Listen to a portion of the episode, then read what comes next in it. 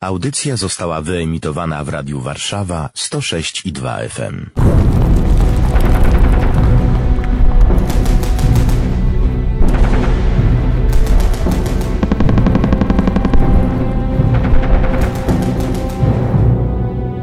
Warszawa pamięta! Jestem z Mokotowa, mówi do mnie warszawiak. Ale czymże jest Mokotów? Ten Mokotów, który istniał przed wojną, już właściwie nie istnieje.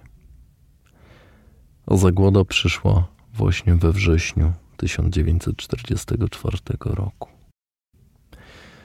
Jęk dzieci, skowyt rannych, zawodzenie kobiet, głód, pragnienie, brud, beznadzieja i śmierć, która zagląda w oczy.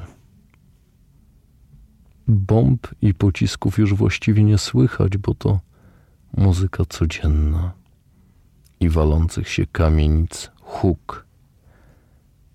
Tak znika powoli Mokotów we wrześniu 1944 roku.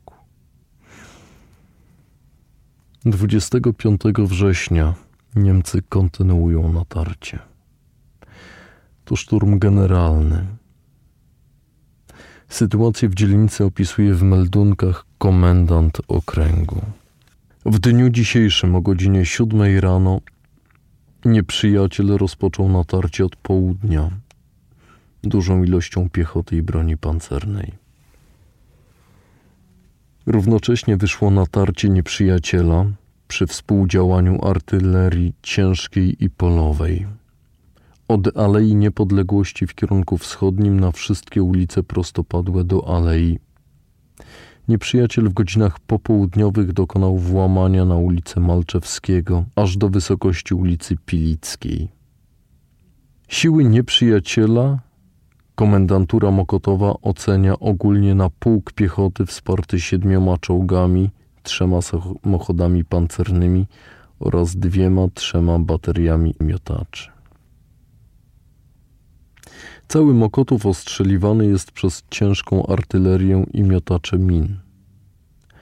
Równocześnie z działaniem zaczepnym nieprzyjaciel wysłał do naszych oddziałów parlamentariuszy, żądając poddania się, proponując na ten temat rozmowy.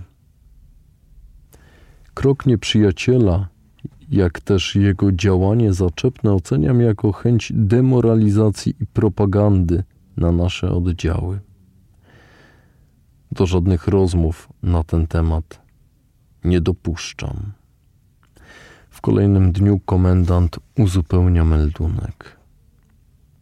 Mokotów o godzinie 17 dnia wczorajszego nieprzyjaciel uderzył po paru nawałach artyleryjskich i rozszerzył wyłom zrobiony poprzednio w naszych pozycjach do granic Ursynowska, Krasickiego, Lenartowicza. Są duże straty w rannych i zabitych, szczególnie dowódców. Jak podsumowywał te raporty Jerzy Kirchmeier, Straty powstańców wspomniane w meldunku komendanta okręgu były tak znaczne, że trzeba było ściśnić stanowisko obronne, oddając całą południową część terenu po ulicę Ursynowską. Obrona na pierwotnych stanowiskach była już zresztą bardzo trudna, ponieważ natarcie od zachodu zepchnęło powstańców z południowej części Alei Niepodległości na ulicy Krasickiego. Tak wyglądała beznadzieja Mokotowa.